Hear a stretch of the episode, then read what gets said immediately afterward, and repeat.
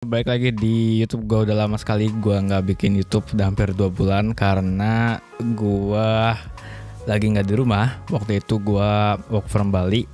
Jadi bulan Oktober eh bulan September sampai bulan Oktober gue sebulan di Bali work from Bali uh, mencoba hal yang baru dan ya mumpung um, COVID lagi turun walaupun ya gue sebenarnya tetap harus jaga-jaga jadi gue tetap mematuhi protokol kesehatan terus tetap uh, eh, PCR tetap vaksin waktu itu gue udah vaksin dua kali abis itu uh, eh, gue terbang ke Bali untuk mencoba menjajal rasanya kerja dari Bali oke okay? nah uh, jadi uh, sorry udah lama gue nggak bikin konten uh, dan sekarang gue balik bikin konten lagi uh, di sela-sela kesibukan gue bekerja oke okay? nah Uh, karena gue belum ada ide lagi untuk bikin konten, uh, mari kita melihat ke komen-komen atau ya komen-komentar di YouTube yang uh, banyak sekali uh, sejak sejak terakhir gue bikin konten, jadi lumayan banyak dan yaudah mari kita jawabin satu-satu, oke? Okay?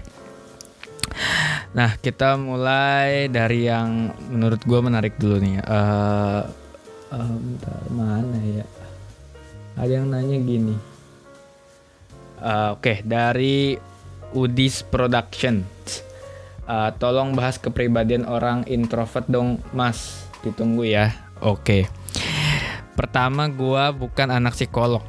Jadi gue nggak ngerti uh, tentang kepribadian.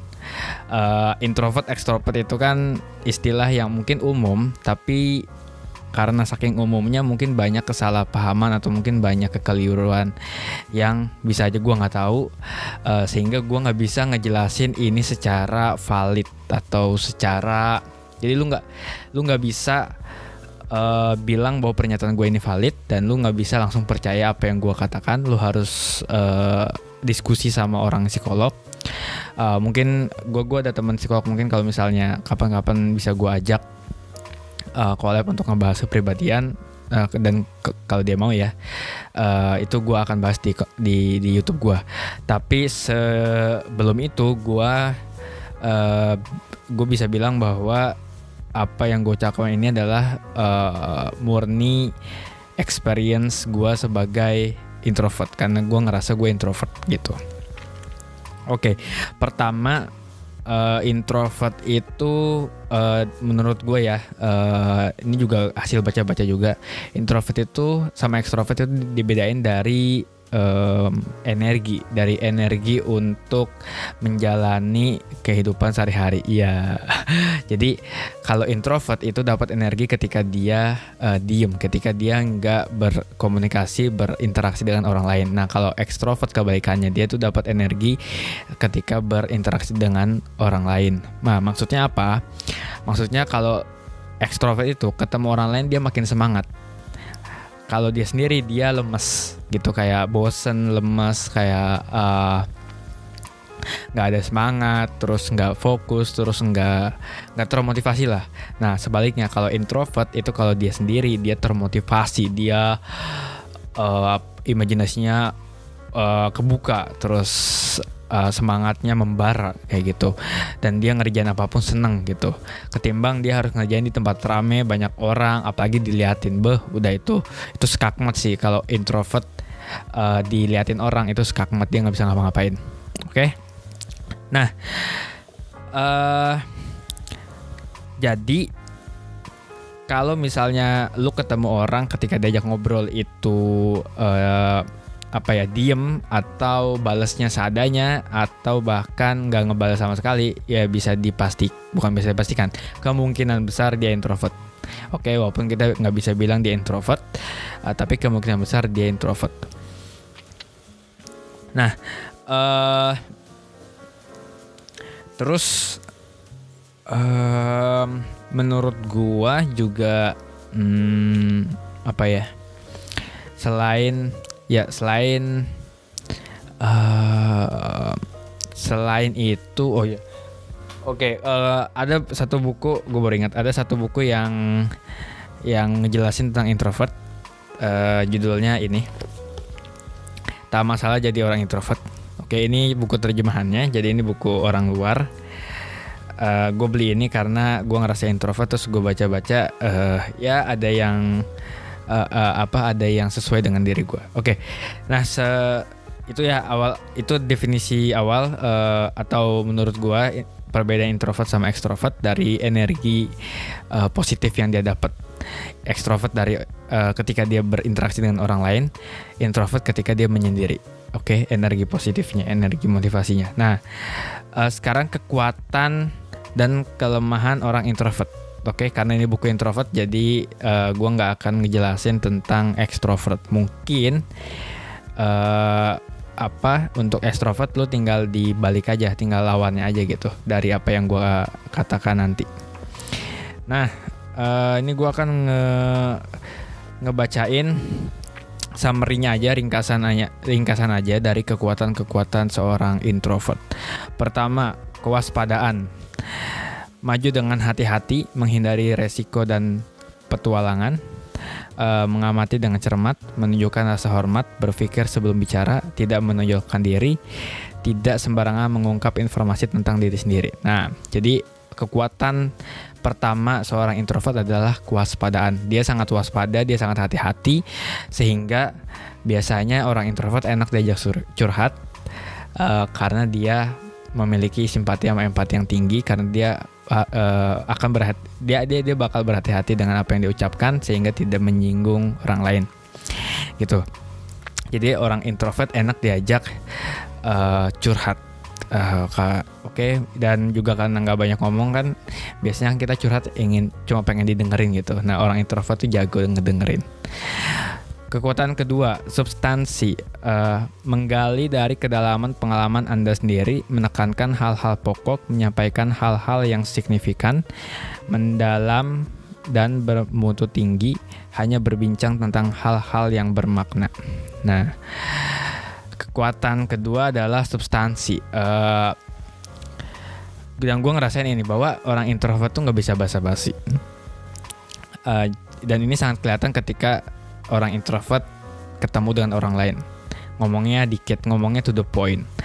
Beda dengan ekstrovert yang dia bisa memancing pembicaraan, bisa ngasih basa-basi yang bisa memancing pembicaraan. Oke. Okay?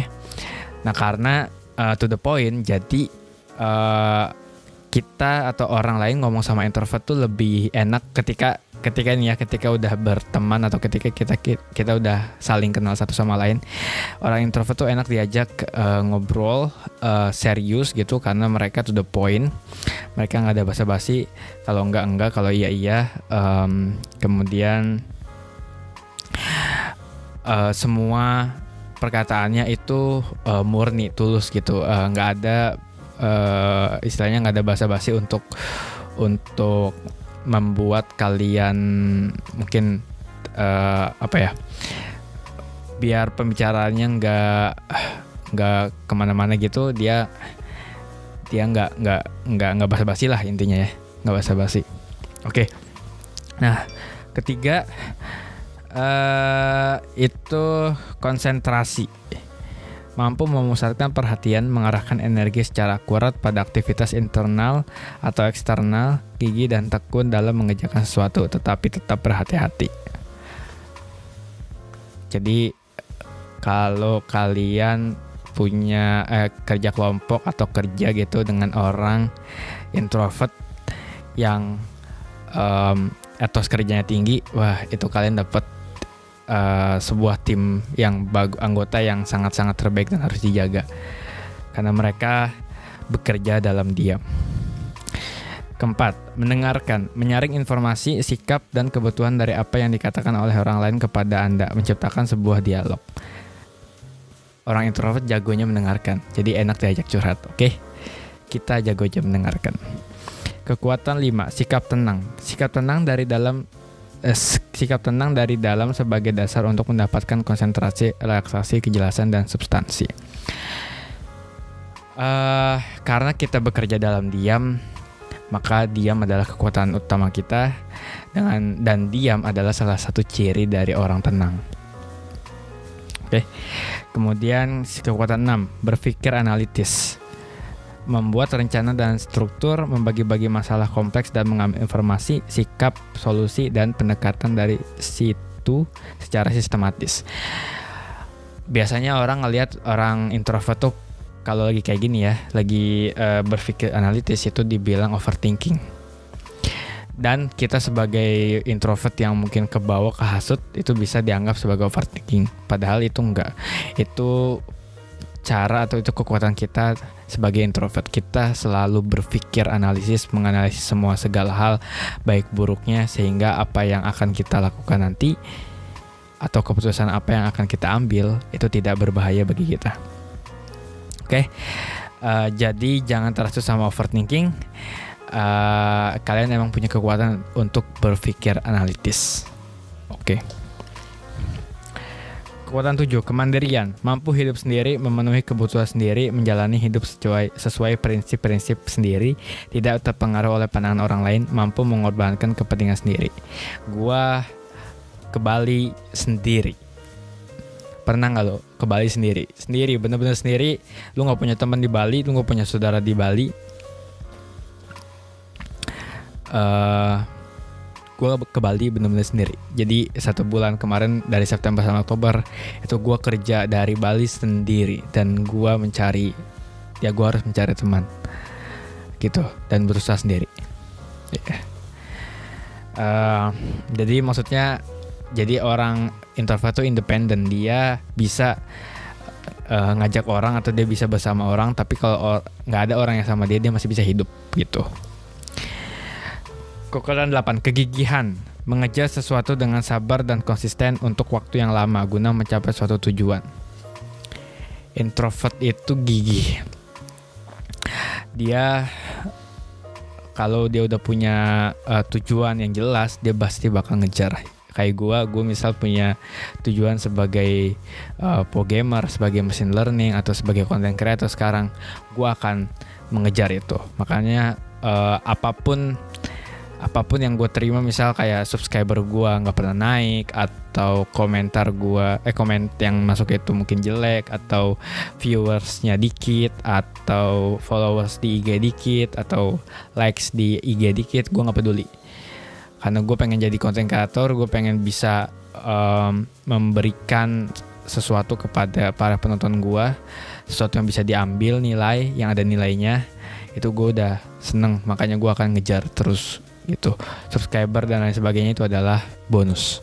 Tapi gue gigih untuk mencapai tujuan gue uh, sama seperti Pogamer juga gue gigih belajar tiap hari itu belajar uh, ngoding. Terus terus terus baca medium ngerjain project dan lain sebagainya. Kekuatan 9, keterampilan menulis daripada bicara.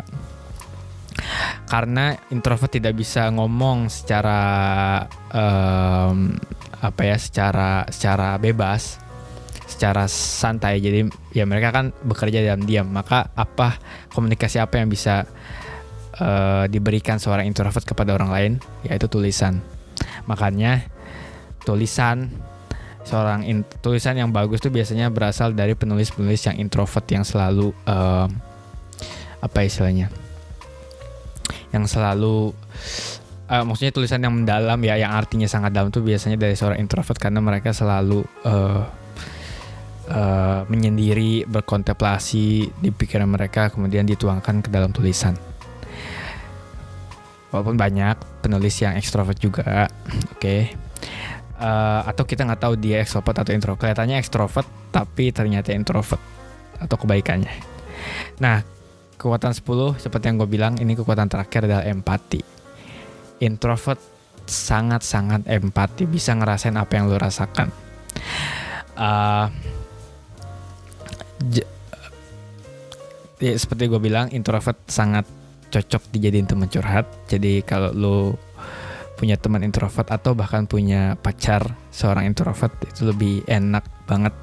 Bersyukur ketika lu orangnya uh, pengennya uh, didengerin tuh pengen curhat terus gitu. Orang ya, orang introvert atau dengan kepribadian introvert itu bisa cocok untuk uh, memainkan peran itu jadi lo akan ses makanya seorang introvert tuh biasanya kalau udah kalau udah deket gitu ya itu ngangen rasanya karena karena diemnya dia diem tapi uh, lucu gitu dia diem lucu dia diem diemnya menggemaskan dan diemnya misterius yang bikin ngangenin oke okay. nah uh, itulah 10 kekuatan. Nah terus kalau lu tanya gue introvert apa extrovert? Gue ngerasa introvert tapi gue tuh punya kecenderungan untuk untuk ngelawan status quo. Status quo itu status yang udah di, udah melekat dari gue sejak lahir atau melekat secara nggak sadar gitu ada di gue salah satunya introvert. Nah karena introvert itu katanya orang yang nggak nggak apa ya istilahnya nggak suka nggak suka ngomong tadi kan diem kemandirian dan lain sebagainya. Gue coba untuk ngelawan itu satu persatu untuk ngelihat apakah gue bisa menjadi ekstrovert kadang-kadang uh, eh, gue bisa mencari introvert kadang-kadang. Jadi gue bisa switch antara dua kepribadian. Uh, tidak berarti gue multi kepribadian atau banyak kepribadian tapi gue pengen ketika gue pengen uh, ada di suatu lingkungan ekstrovert gue akan berubah jadi ekstrovert. Apakah bisa ya gue sedang mencoba dan caranya adalah dengan bikin YouTube. Walaupun secara uh, technical YouTube itu juga sebenarnya buat orang introvert. Kenapa? Karena dia berdialog satu arah gue nggak ngelihat lu sebagai orang gue ngeliat lu sebagai kamera. Oke? Okay? uh, tapi uh, dengan adanya YouTube teman-teman gue pengen collab. Oke? Okay? pengen collab dengan gue dan itu akan me menghasilkan suatu perbincangan suatu perbincangan dan perbincangan adalah salah satu mungkin ketakutan dari seorang introvert. Nah itu gue mencoba untuk mendobrak uh, status quo bahwa gue introvert tapi gue bisa ngobrol sama orang, gue bisa bikin YouTube, uh, gue bisa collab sama orang gitu. Um, dan juga gue suka main, suka traveling, mana traveling itu juga membutuhkan suatu kemampuan interaksi dan komunikasi yang baik ketika apalagi lu solo traveling lu masuk ke daerah orang mau nggak mau lu harus bisa ngobrol sama orang bisa membuat pembicaraan itu mengasihkan dan itu tantangan. Dan ya kalau bisa dibilang gua uh, gue introvert tapi gue ingin mendobrak uh, itu semua apa kotak-kotak peng, apa sih pengkotak-kotakan kepribadian itu menjadi tidak ada kotaknya lagi tidak ada batasnya lagi. Jadi gue mau ekstrovert introvert itu bisa gue lakukan sesuka hati. Oke? Nah itu yang gue lakukan. Jadi uh, ya gue percaya bahwa ada kepribadian introvert ekstrovert yang nggak bisa dipisahkan atau yang nggak bisa digabungkan tapi gue ingin membuat dua kepribadian itu bisa bisa menjadi lebur menjadi satu gitu sehingga orang bisa switch ke mana-mana suka hati gitu. Gue akan coba itu. Oke okay, udah 18 menit padahal satu topik doang ya tapi ya oke. Okay. uh, eh, itu aja uh, jawaban dari gue tentang introvert. Thank you udah nonton dan tunggu uh, konten-konten gue yang lain. Oke? Okay? sejauh ini sih gue masih akan menjawab pertanyaan-pertanyaan. Belum ada konten yang pengen gue bikin. Walaupun udah ada ide yang yang uh, ide konten yang udah terbesit di otak gue tinggal eksekusinya. Uh, tapi ya tunggu aja. Oke? Okay? thank you dan goodbye